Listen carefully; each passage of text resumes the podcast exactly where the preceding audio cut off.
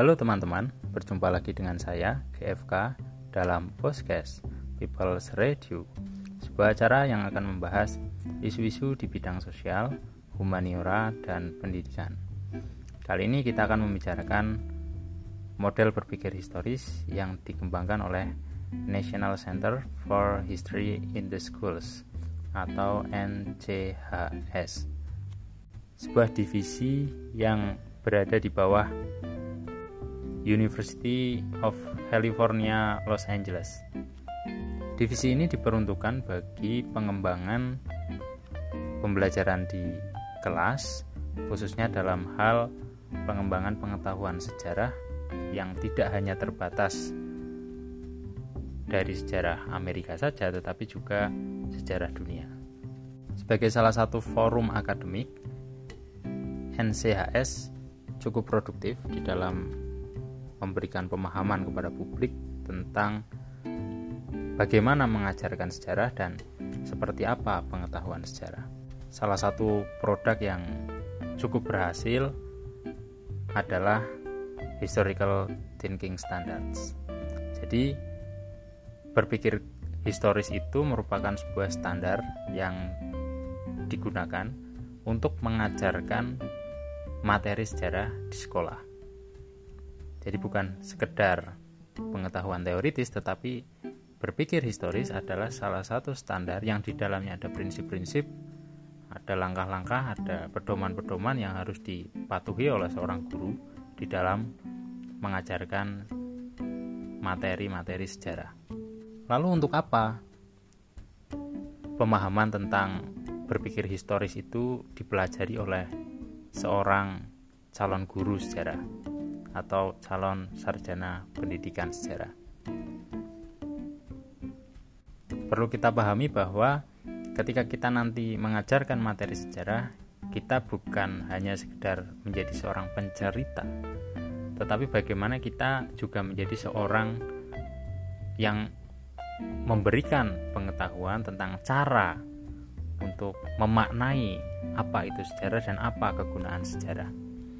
Untuk itu, berpikir historis itu sangat penting dan mendasar bagi siswa karena itu yang akan mendasari bagaimana siswa memproses informasi kesejarahan dan membentuk pengetahuannya sendiri tentang apa itu sejarah dan kegunaannya yang sifatnya itu konseptual. Jadi fokusnya nanti bukan hanya ke apa sejarah yang diceritakan atau yang disampaikan oleh guru, tetapi bagaimana memahami sejarah yang diajarkan oleh guru. Untuk itu berpikir historis itu merupakan salah satu standar yang cukup penting. Dalam konteks ini kita bisa melihat bagaimana uh, historical thinking standards yang dikembangkan oleh NCHS ini menjadi salah satu rujukan di dalam mengajarkan materi sejarah bukan hanya di California tetapi juga di seluruh Amerika dan kita di Indonesia juga bisa mengadopsi pemikiran dari NCHS ini untuk dapat memperbaiki kualitas dan memperbaiki sekaligus meningkatkan standar proses dari pembelajaran sejarah itu sendiri. Terkait dengan berpikir historis yang dikembangkan NCHS, kita dapat memahami lima standar yang sudah ditentukan, yaitu yang pertama adalah chronological thinking, yang kedua historical comprehension, yang ketiga historical analysis and interpretation, yang keempat adalah historical research capabilities. Yang kelima, historical issues analysis and decision making. Standar yang pertama adalah chronological thinking atau berpikir kronologis. Yang artinya siswa dalam konteks ini diajari dan dipandu untuk memahami garis waktu dari sejarah yang diajarkan. Di mana titik waktu ketika satu peristiwa itu diberikan kepada siswa sehingga siswa bisa membedakan nantinya tentang masa lalu, masa kini dan masa depan dan keterhubungan dari peristiwa sejarah itu. Dan harapannya ketika siswa memahami garis waktu itu, siswa dapat berpikir secara terbuka tentang satu peristiwa dan dapat mengembangkan narasi kesejarahannya sendiri. Karena siswa sudah memahami konteks waktu dari peristiwa sejarah yang disampaikan. Dan di samping itu, siswa juga harus bisa mengukur dan mengkalkulasi waktu di mana peristiwa itu terjadi. Misalnya ketika berbicara tentang peristiwa proklamasi, siswa akan langsung berpikiran tentang 17 Agustus 1945. Tetapi bagaimana ketika peristiwa atau konteks dan konten historis yang disampaikan itu seperti misalnya seorang tokoh katakanlah Haji Samanhudi supaya siswa bisa memahami siapa Haji Samanhudi kita harus memberikan pemahaman bahwa tokoh ini hidup pada masa pergerakan nasional oke mungkin siswa akan langsung mengingat atau pergerakan nasional itu antara tahun 1908 sampai 1945. Lalu apa yang terkait dengan Haji Samanhudi? Ada organisasi Serikat Dagang Islam. Oke, Serikat Dagang Islam atau SDI yang berdiri 1911 secara resmi. Oh, berarti pada waktu ini nah, dalam hal ini guru berupaya untuk memberikan pemahaman secara bertahap kepada siswa tentang garis waktu dari materi atau konten sejarah yang sedang disampaikan ya. Dan kemudian harapannya siswa itu bisa berpikiran secara mendalam tentang satu peristiwa. Di samping siswa juga dipacu untuk memahami keberlanjutan dan perubahan di dalam sejarah. Dengan pemahaman garis waktu ini, siswa akan terlepas dari jebakan anakronisme di dalam memahami sejarah. Anakronisme itu ketidaksesuaian e, memahami garis waktu gitu ya. Dan yang lebih penting lagi adalah bagaimana seorang guru itu memberikan penjelasan tentang periodisasi sejarah. Setiap negara, setiap bangsa punya periodisasi sejarahnya masing-masing dan kita juga memiliki dan untuk itu yang paling mendasar juga dalam pemahaman uh, chronological thinking atau berpikir kronologis itu guru menjelaskan yang paling awal sebelum semua materi dan peristiwa itu diajarkan guru memberikan pemahaman tentang ini adalah periodisasi sejarah Indonesia dengan begitu maka siswa akan mempunyai uh, mapping tentang garis waktu dari sejarah Indonesia itu sendiri yang kedua, standar yang dikembangkan oleh NCHS adalah historical comprehension atau pemahaman sejarah.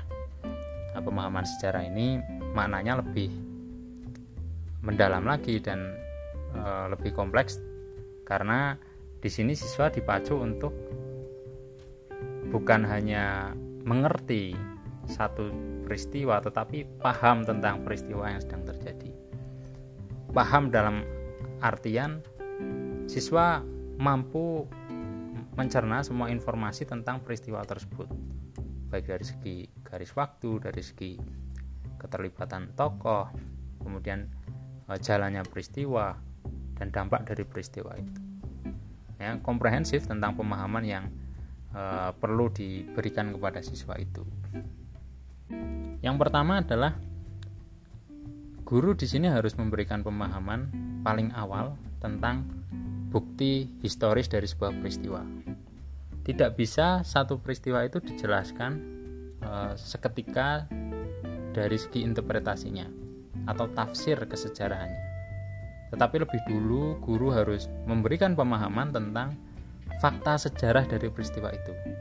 Atau fakta sejarah itu bisa disampaikan bersamaan dengan penjelasan dari interpretasi dari peristiwa tersebut. Misal kita menjelaskan peristiwa proklamasi kemerdekaan, maka harapannya guru paling tidak menampilkan foto peristiwa proklamasi atau teks proklamasi yang otentik ya.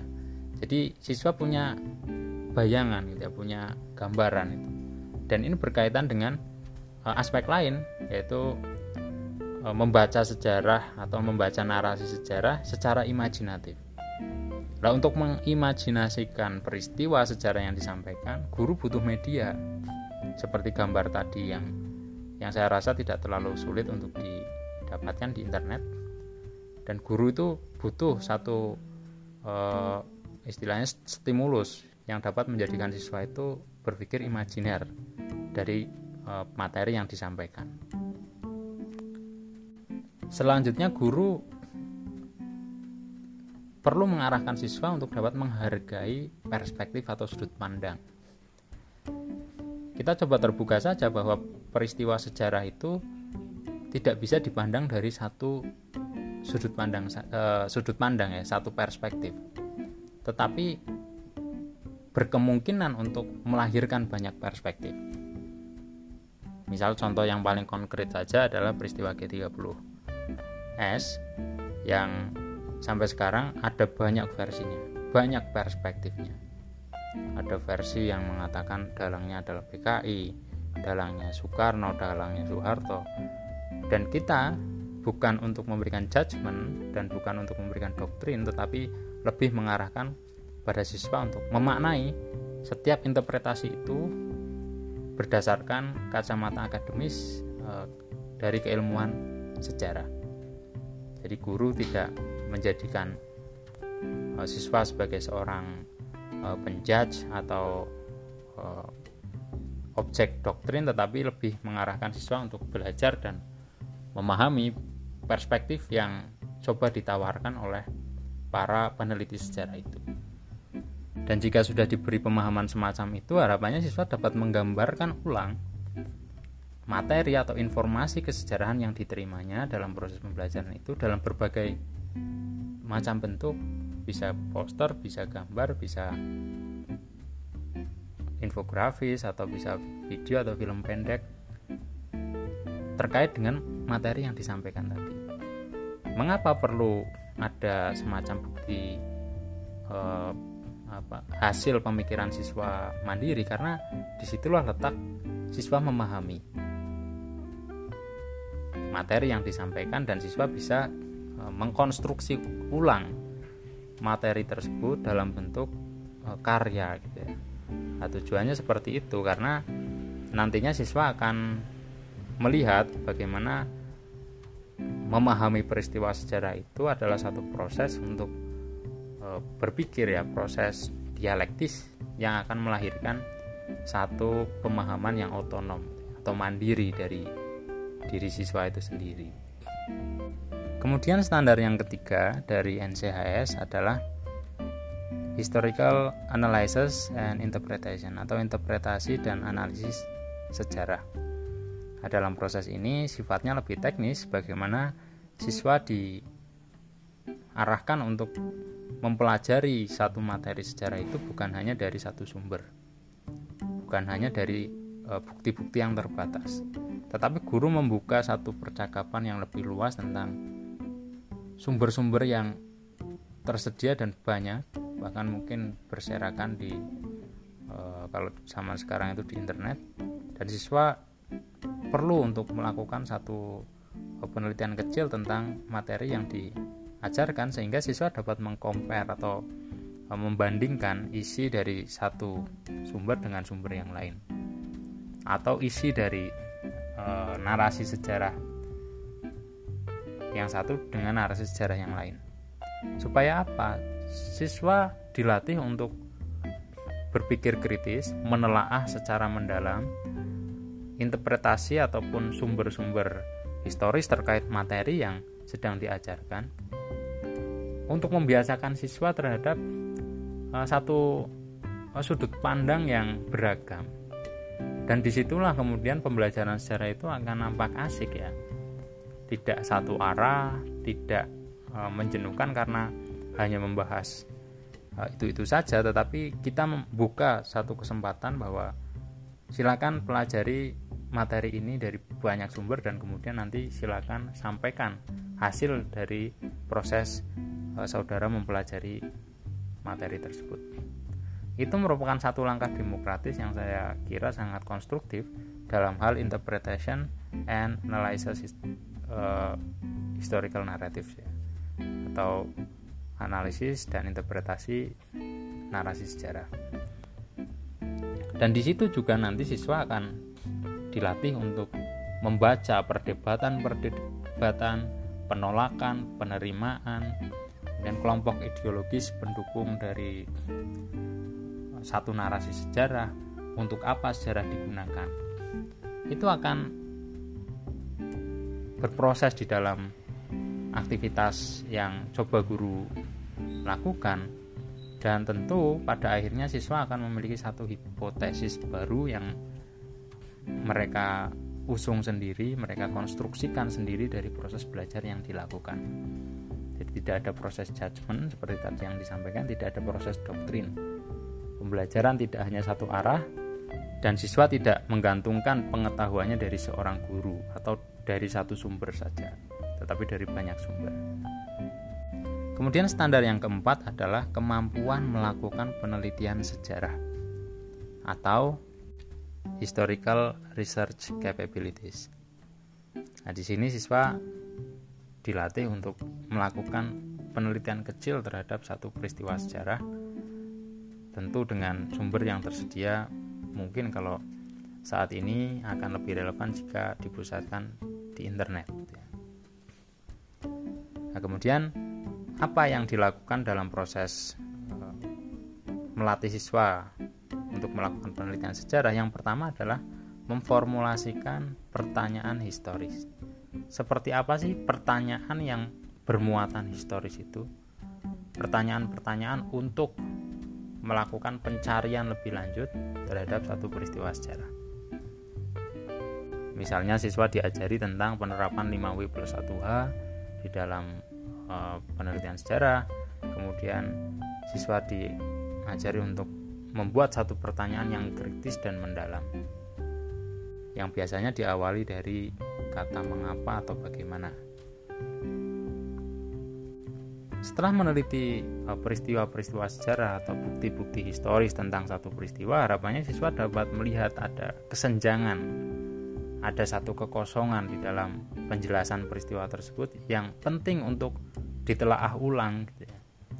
Dan akhirnya siswa dapat melanjutkan satu proses belajarnya proses pencariannya itu dan terus simultan semacam itu. Ketika siswa dapat menemukan satu gap kemudian gap itu dapat ditutup dengan pemahaman yang mereka bentuk sendiri. Muncul gap lagi siswa mencari lagi terus semacam itu. Dan itu adalah satu proses investigasi yang sangat menarik bagi pembelajaran sejarah dan untuk itu saya rasa ada satu e, pemikiran yang sangat demokratis yang dikembangkan oleh NCHS ini untuk melatih siswa berpikir historis. Dan tentu kemampuan penelitian ini juga di dalamnya mengandung e, kemampuan untuk menginterpretasi atau menganalisis bukti-bukti sejarah atau uh, secondary source atau uh, sumber-sumber bacaan tentang satu peristiwa yang akan memberikan insight uh, pemahaman yang uh, kompleks kepada siswa. Semakin kompleks pemahamannya, semakin banyak sumbernya, maka siswa dapat memilih untuk mengolah sumber-sumber tersebut. Alternatif-alternatif yang dapat dihasilkan pengetahuan tentang satu peristiwa itu akan lebih dinamis gitu ya. Sebelum memasuki standar yang kelima sebagai bahan diskusi, silakan beri pendapat di kolom komentar di forum diskusi yang sudah disediakan di Elena dengan tema silakan bandingkan model berpikir historis NCHS dan HTP HTP atau The Historical Thinking Project yang minggu lalu sudah kita diskusikan dan saudara melihat e, model mana yang lebih unggul menurut saudara yang saudara merasa lebih mungkin untuk diterapkan di Indonesia Nah, itu silakan beri pendapat, analisis secara uh, mendalam dan mohon pendapat yang disampaikan bisa jelas dan lugas. Panjang-panjang juga tidak masalah disarankan untuk tidak berkomentar secara singkat dan padat ya. Panjang tetapi jelas. Oke. Selanjutnya pembahasan tentang standar yang kelima dari NCAS ini yaitu tentang historical issues and decision making yaitu pembahasan tentang masalah masalah kesejarahan dan pengambilan keputusan dalam proses belajar sejarah. Isu atau problems di dalam pembelajaran sejarah di dalam e, narasi kesejarahan di dalam teks-teks masa lalu itu akan terus muncul. Baik dari segi e, interpretasi ataupun kesediaan e, bukti. Itu pasti terjadi. Itu masalah yang sangat alamiah di dalam studi historis. Untuk itu, seorang guru itu harus dapat memberikan pemahaman kepada siswa secara mendasar tentang pentingnya memahami sumber dan pentingnya berhati-hati di dalam memaknai interpretasi sejarah. Jangan sampai kita terjebak dalam satu interpretasi dan menganggap bahwa perspektif yang berbeda itu keliru jika kita memilih untuk sepakat dengan satu pendapat kita menghakimi pendapat yang lain. Nah itu satu konsep yang tentu jauh dari kata e, demokrasi di dalam pendidikan. Untuk itu guru tidak diperkenankan untuk bertindak semacam itu.